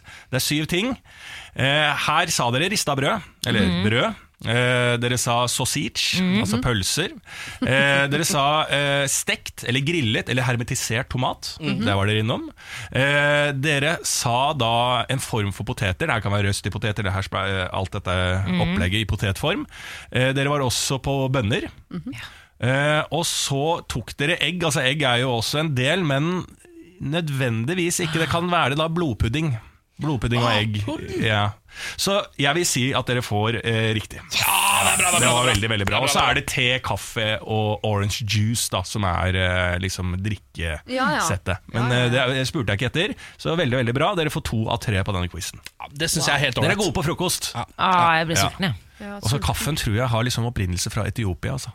Jeg tror det er et sted som heter kaffe, men det heter noe annet nede i Etiopia. Nå er du vis. Etiopia er kaffens hjemland. Nå Men nå jeg- begynner jeg å snakke utover det jeg har Ja. lært, så nå begynner jeg fra eget hode, og det viser seg ofte å være feil. Vet du hva, Jeg syns du skal gå ut i, i gatene og stelle deg på en bruskasse og bare si disse tingene. Vi snakkes, Lars. Ja, vi gjør det. Morgen på Radio 1. Hverdager fra seks. Jeg er klar over at vi er på jobb, og at dette er midt i arbeidstiden, men det hender at jeg, eh, fordi jeg ikke røyker, så benytter jeg mine pauser til å gjøre andre private gjøremål. Eh, Som f.eks. å eh, leke inne på finn.no. Eh, en av mine favorittoppfinnelser i verden eh, rett etter rundkjøringa. Eh, nå har jeg da også begynt å leke meg litt inn på den markedsplassen til Facebook, hvor det også selges ting. Ja, Ikke hva sant? heter den igjen? Eh, Marketplace. Ja. Godt navn. godt navn. Godt navn, veldig beskrivende. Og der har jeg da kommet over en stor treskive. En stor treskive. En stor treskive, ja Det er en ca. 10 cm høy treskive. Altså, ut, altså man har felt et tre, kappa av en 10 cm Den er 70 i eh, diameter, cirka, på det Ja. bredeste. Skjønner dere hva, eh, greia? Altså som en bordplate. Ja. Eh, og så står det 'gi bud'. Det syns jeg er jævla vanskelig. Hva, hva er verdien på en eh, treplate? Ja, ja, Altså, I utgangspunktet har den ikke noe verdi. Du har f- finne ting ute i skogen. på en måte Og så prøver du å selge det videre. Så Derfor så gikk jeg inn på finn.no for å sjekke om det noen treplater der ute til salgs. Eh, Som, eh, hvor det står en pris. Så jeg har et utgangspunkt for å gi bud på denne treplata, som jeg av en eller annen merkelig grunn vil ha.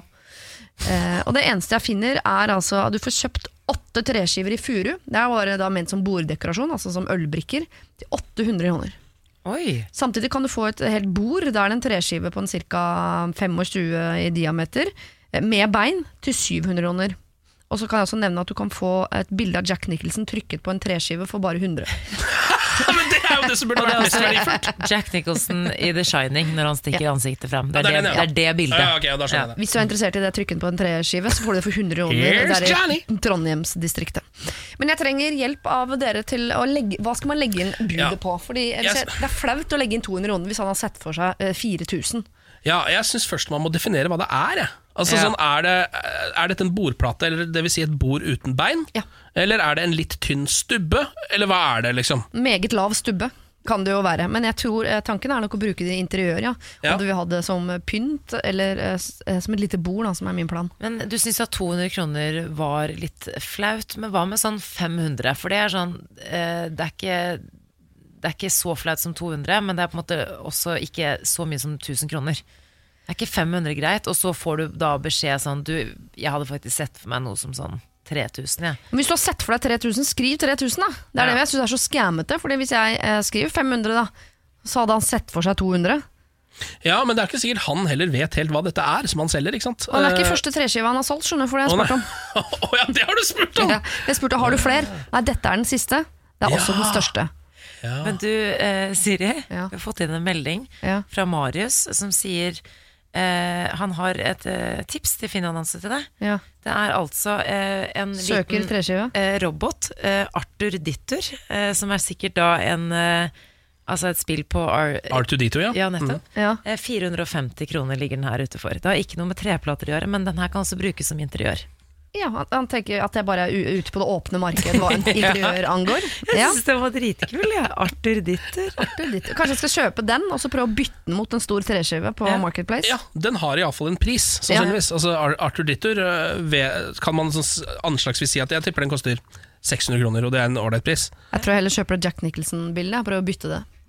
Ta, heller kjøp det til 100 kroner. Det tror jeg uansett er et varp. uansett hva man måtte finne på. Uh, Dave Grohl er ganske morsom fyr. Ja. Jeg har Eh, litt crush på han òg, jeg. Ja, jeg har også hatt det tidvis. Han er jo en av, en av de kuleste mennene som noen gang har holdt på. eh, og det er i en sjanger av ganske kule menn, altså musikkhistoriske menn, på en Ja. måte. Uh, For det første så har han spilt i et par av de fetteste banda, både Nirvana og Foo Fighters. Og så er han ganske rå når han først åpner kjeften også. Det som har skjedd nå, er at ehm, Foo Fighters må utsette to konserter i Canada denne uka her, fordi at han har mista stemmen Dave Grohl. Han klarer ikke å snakke Han lenger. og Bono, Ja. har de klina? Der, nå tok du hele poenget mitt! Ah, vær så god. Ja, eller poenget til Dave Grohl, da. Ja. Eh, fordi eh, det som skjedde, det var jo Som du var inne på, så måtte jo også U2 avbryte en konsert rett før. Ja. Fordi Bono hadde mista stemmen. Så det eh, Dave Grohl nå har skrevet, er at det er siste gang jeg kliner med Bono. Det er ganske Han er gøy, da. veldig- Å, gøy. vi er ment for hverandre, Ja, det er Dave og meg. Ja, du og Vi har Dave. samme humor. Du og Nei, Dave ikke, har nå samme må ikke du snappehumor. Hei, hei, hei, hei, hei. Nå sa jeg at jeg hadde en crush på Dave Grohl. Ja. Her må du stelle i kø. Ja, men får se om han går for uh, hva han går for, da. Kan vi ikke rett og slett stelle oss i den køen? Det kan vi godt gjøre. Men det er sånn at hvis uh, vi en av oss plutselig har mistet stemmen og sånn, og begynt å bli sånn tett, så vet du at uh, vi har klina med deg. Ja, For du har vært litt snufsete de to siste dagene. ja, Det er også siste gangen jeg kliner med Dave Grohl. Ja, det hadde jeg gjort flere ganger. Hvis du først har tilgang på Dave Grohl, så skal jeg kjøre en runde to der, altså. Ja, Get to second base, pleier jeg å si. Ja. Ja. Skremt elg druknet etter bildehysteri. Dette er faktisk en litt trist sak, som jeg har lyst til å ta opp bare fordi at folk er uh, idioter. Eh, en elg som havnet i vannet Lake Champlain i Vermont i USA, måtte bøte med livet. Etter, mange, etter at mange mennesker samlet seg for å ta bilder av det vettskremte dyret.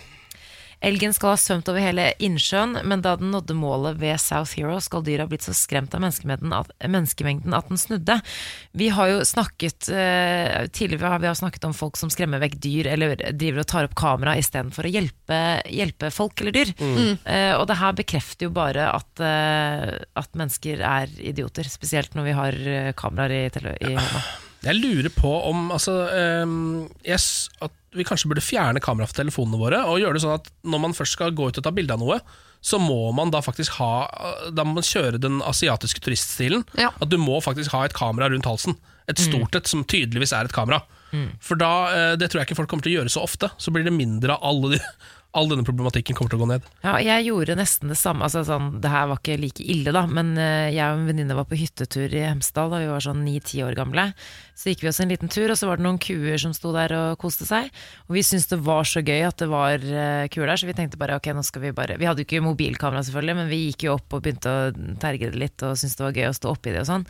Uh, endte opp på en stein i fire timer, uh, fordi de kom løpende etter oss, angripende. Og vi var så redde at vi satt på den steinen helt til faren til venninnen kom og hentet oss. da Fordi vi bare, altså, ikke, ikke, la, la dyr være i fred. Nature will strike back! They will. Morgen på Radio 1. Siri Kristiansen, som er vikar for Niklas Baarli, eh, du har jo også arva hans spalter Jeg låner dem. i dette programmet. Ja, ikke arva dem, for han er jo ikke død. Men, Eller det vet vi. Nei, det, eller vi, vi håper han ikke er det, da. Eh, men du har på en måte ja, Men du, har, for, for, du låner dem litt. Ja. Um, og nå har vi jo kommet til en av de mer spennende spaltene eh, som du låner. Ja, det, er- det er ikke den flaueste. Det er mye flauere å inventere folk Ja. enn å imitere lyder, på en måte. Ja, det er lydrebussen. Ja. Uh, og jeg har da funnet fram til en nyhetssak. Og jeg, er den første, jeg, dette er mitt tredje forsøk. Dere har klart det alle gangene, tror jeg. Og på første forsøk så var det veldig veldig vanskelig, for da tok jeg en lokal lokalnyhetssak som ikke dere hadde, engang hadde sett. Ja, Det syns jeg var litt dumt. Mm. Og på den andre så var tror jeg det var veldig enkelt. I dag har jeg lagt meg midt på. Ja, det høres bra ut. Jeg skal selvfølgelig si til uh, våre lyttere hvilken sak dette er, så dere må dessverre Ja. forlate rommet. Vi må gå ut av er igjen. Ja. Mm. Bare, nå går Ken forbi PC-en min, så jeg måtte bare holde for Ja, ja, nei, du så ikke Jeg har bare skrevet ned hvilke tre lyder jeg skal lage. Dette er jo en uh, sak vi ikke har snakket om i dag, men jeg har sett at uh, Samantha, for hun er altså et så kåt menneske. Er, hun er en kikker og en blotter. Uh, sitter og nistirra på videoen der uh, Josefine fra Skam-serien kaster klærne i en kondomreklame. Vi har ikke snakket om det i dag i det hele tatt, men Samantha har sett den videoen en seks-sju ganger. Nå står hun og presser puppene sine inn mot en glassrute. Det er bare fordi hun trenger altså, så mye stimuli i de regioner i løpet av en sending at hun sitter og ser altså, på mykporno uh, og presser seg mot harde gjenstander i løpet av sendingen. Ja, da kan dere komme inn. Hei. Så hyggelig at dere vil være med i denne. Nå må jeg holde for uh, Du må ikke se, Ken. Sånn. Det er bare du Ken som er snoker eh, her, uh, Siri. Ja. Men som erfaren jukser, så må jeg bare ta Ja. høyde for at andre mennesker også driver med det. Ja. Ok, dere. Eh, dagens lydrebus er altså til en eh, slags nyhet. Eh, En slags nyhet. En slags nyhet. Og første lyd er Liksom Liksom Liksom Er det meg? Liksom Andre nyhet er Nei, andre lyd. Oi, oi, oi. oi. Beføling på høyt nivå. Tredje lyd. Dette orker jeg ikke. Dette orker jeg Nei, dette her er jo øh, Ja. Det var litt for nærme sextelefon for min øh, personlige smak. Ja. Du må jo gi beskjed om at du skal sensurere på forhånd. Hva er det som skjedde her? Hun gnukket eh, brystet sitt. Ja. Jeg er ikke den eneste her som gjør det. Jeg så Ja, du men- gnei brødene Altså, du sta- på glassruta når du sto der ute i stad. Det er ikke min feil, jeg er gravid. Jeg har ikke eh, kontroll over hvilke kroppsdeler som treffer hva. Men Du starta med å si 'liksom' et par om- ganger. Vi drar noen av lydene om igjen. Nei, helst ikke. Altså, du starta, du starta med å si 'liksom' et par ganger. Som jeg fikk Liksom. sånn, da fikk jeg litt sånn følelsen av enten Paradise altså en Er sånn det Ex on the Beach? Ja, reality-program eller en blogger eller noe sånt. Mm. Og så gnei du deg på brøda. Nei. nei, litt overalt egentlig. Først på armene.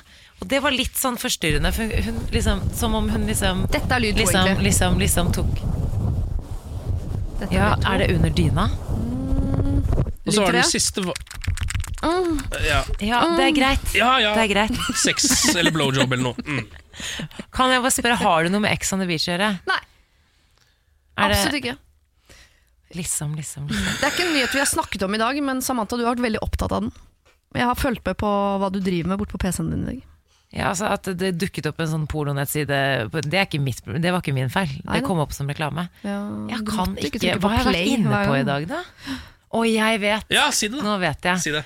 Eh, Det er altså Josefine Pettersen som spiller Nora i Skam, som er med i en eh, kondomreklame. Er det riktig? Har dere ikke lest nyheten om at hun sier 'liksom' veldig mye i Skam-serien? Det har jo vært en egen nyhetssak. Og Og så bruker- kler hun av seg. Dette er lyden av å kle av seg.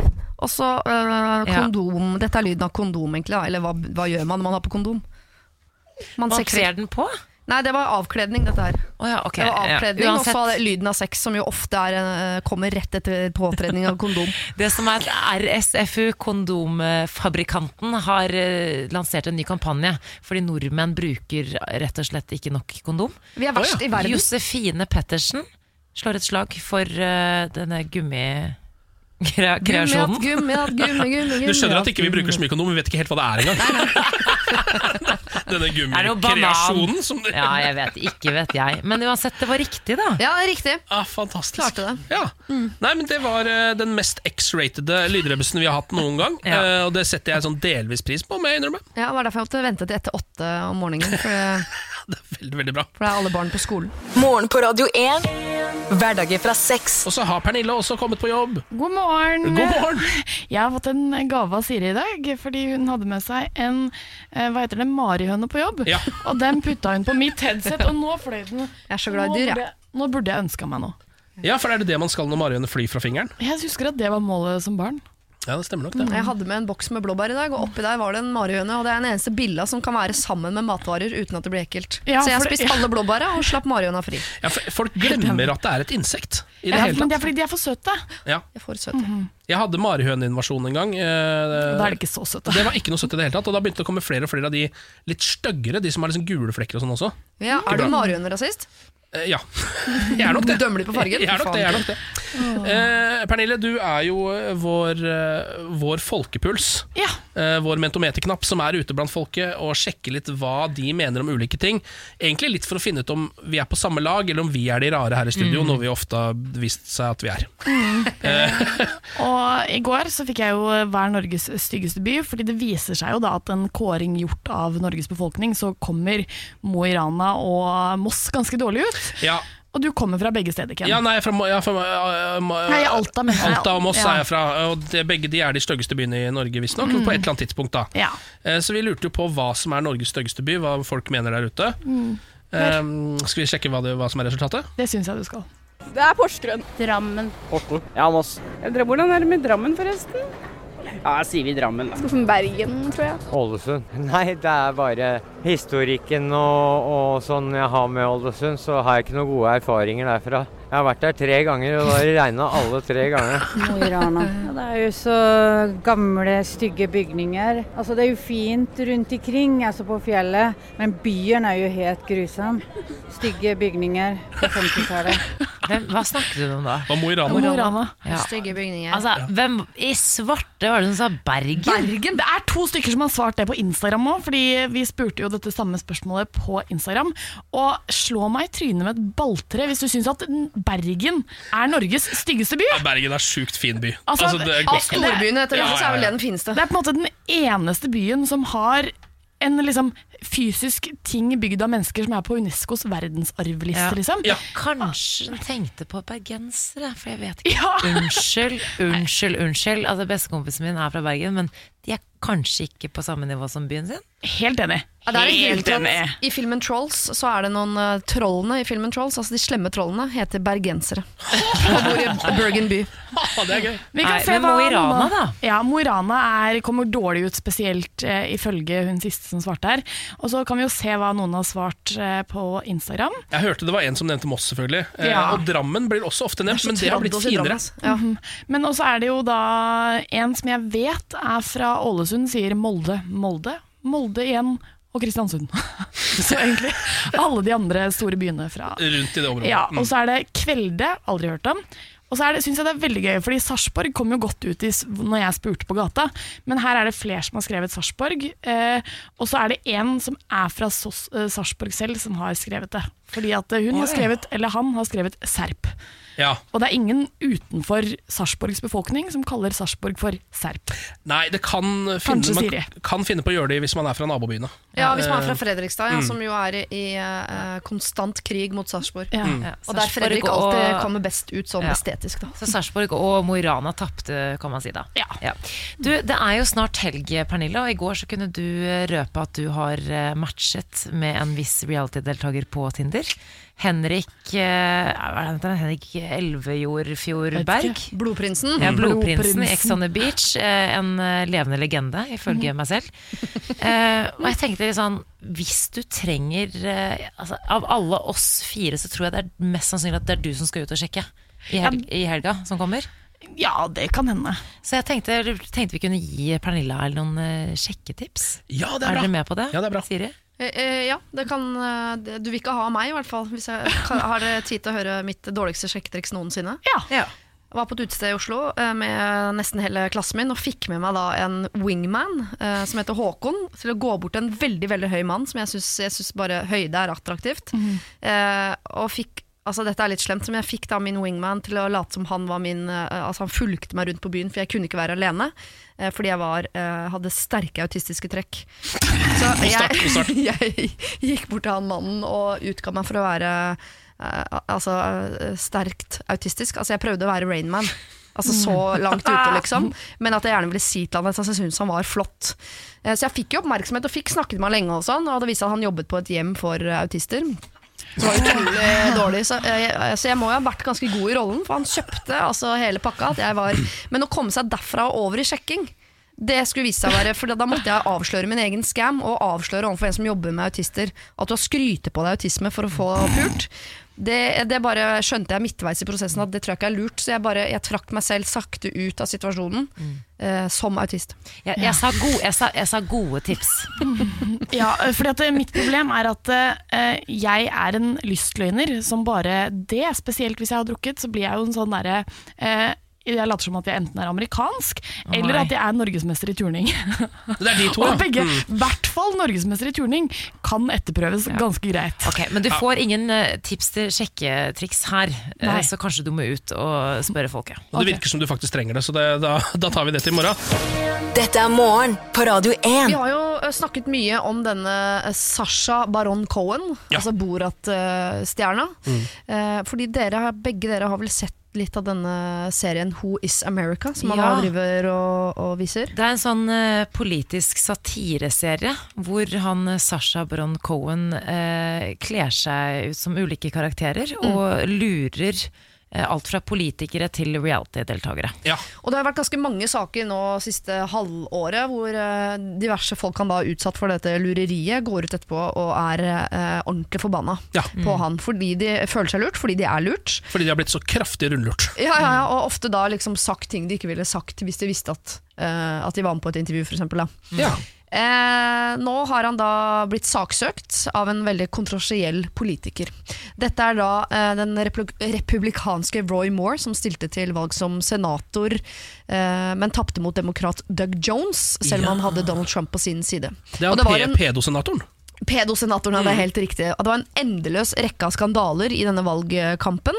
Eh, og eh, han er annet anklag, eh, anklaget for overgrep. Han fikk besøk da av eh, Sasha Baron, hvor han påsto at han hadde en pedodetektor. eh, som Ja. han hadde funnet opp, og denne pedodetektoren peip hver gang den var i nærheten av uh, Moore. Så han slo ut på pedodetektoren gjentatte ganger. Og nå har han da altså valgt å saksøke Sasha Baron Cohen. Ja, det har skjedd. Ja, det var på tide at noen gjorde noe. Fordi jeg har, altså når jeg har sett på den serien, det er så sinnssykt det han holder på med. Det er sånn pute-TV, men det er, sånn, det, det er helt sjukt at folk går på, og de gjør jo det. Ja, ja. Men jeg har sittet og ventet på etterspill og konsekvenser. Ja, og jeg har, liksom, også, Dette her har, gjelder jo egentlig hele karrieren til Sasha Baron Cohen. Altså Alt fra Ali G og Borat og fram mot det Who's America-greiene som han gjør nå. Fordi Jeg bare husker jeg så jo Borat-filmen for ikke så lenge siden. Den er jo helt eh, hysterisk morsom. Um, og Der har han jo blant annet med seg en sånn gjeng med college bros. Um, som er sånn tre-fire sånn skikkelig bros da som uh, han har med seg i en bil. Og da um, sit, De er altså ordentlig drita fulle. Yeah. Og sitter bare og snakker dritt, og snakker om damer. Det er stort sett det de gjør. Uh, og jeg trodde da jeg så det, at det var staged hele greiene. Fordi At de var skuespillere, for det er for bra. Liksom. Ja. Det er for gøy. De sier altfor riktige ting osv. videre Men så viste det seg jo at de er fortsatt i en sånn rettssak mot Baron Cohen ennå, tror jeg. Som fortsatt driver og går. Hvor de liksom prøver å få penger ut fordi de føler seg lurt. da Ja. Eh, Men du kommer jo ikke unna med sånne ting som det der. Nei. Eh, og han har jo også forsøkt å få OJ Simpson til å innrømme at det var han som drepte kona. Mm. Eh, Sarah Palin har vært involvert her. Men det er helt utrolig, Fordi jeg, forstår ikke at de ikke skjønner at det er kødd. Nei, Det er det som er. men han, det er fordi at han er et geni. Ja, det, Men det er han- han. Jeg må eh, støtte de som har eh, valgt å kritisere han, da, selv om det han lager er veldig morsomt. Men jeg tenker at humoren er ikke viktigere enn alt her, hvis det ligger masse slakt eh, bak han. Nei, at ah, De er jo med på skjult kamera på mange måter. Ja. Og da ved skjult kamera så skal du ha muligheten til å trekke deg etterpå. Akkurat Ja, er pedofile enig. senatorer syns jeg det er greit. Det er enig. Lite motargument, det er ikke bare humor, det er faktisk for å få frem sjuke holdninger. Ja, det er mye av det som er det. Ja. Altså. Morgen på Radio 1. Hverdager fra seks. Jeg er bare kjapt innpå her for å melde at podkasten er over. Det er en veldig trist beskjed å komme hver eneste dag. Jeg kjenner at det gjør, meg psykisk vondt å si det hele tiden. Jeg ser at du har vondt, men jeg kan ikke. Min neste setning skulle være Siri, du har ikke sunget på lenge. Der kom den. Der kom den. Ja. Det, er det Bjørn Eidsvåg som har den? Det er Bjørn, ja. Ja. Eh, så vassa i sivet ditt Det er ikke den samme. Nei, det er en annen For den spilles veldig sjelden til begravelser, den vassa i sivet ditt. Ja, for det er den- lite brukt til begravelser, tror jeg. Ja, for det er den som er sammen med eh, Elvira, Elvira ja. Ja, mm, Og vassa i sivet hennes. ja. Hun eh, bor faktisk i Moss, eller gjorde i hvert fall det en periode, sammen med han kjæresten fra Turboneger.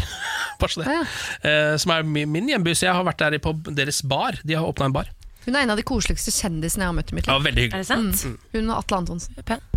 Men eh, jeg, se- må vi jobbe litt med utro her, Ken? Jeg, jeg føler at det kommer alltid et eller annet rart fra deg, og så faller vi litt ut Ja, av du, det. Altså, det, ja, du mener at det er min skyld at disse utroene ikke sitter? altså, ja ja, Ja. det er det jo. Det er Ja. ikke noe i veien med verken Siri eller meg. Nei. Eh, men da skal du få muligheten nå til å heve nivået på utroen. Vær så god. Eh, Ken, gi, jeg syns du skal gi eh, Nei, hva er det, hva er det Niklas pleier å si? Sånn, Dritbra, gå ut i dagen. Gå ut i dagen. Gi en beskjed til lytterne våre. Å ja, skal jeg gjøre det? Mm. Dette er ikke din dag. Den kommer i morgen. Der er du god. Den er ikke så dum, den. Nei, den var ikke så dum. Si ha det, da. Ha det.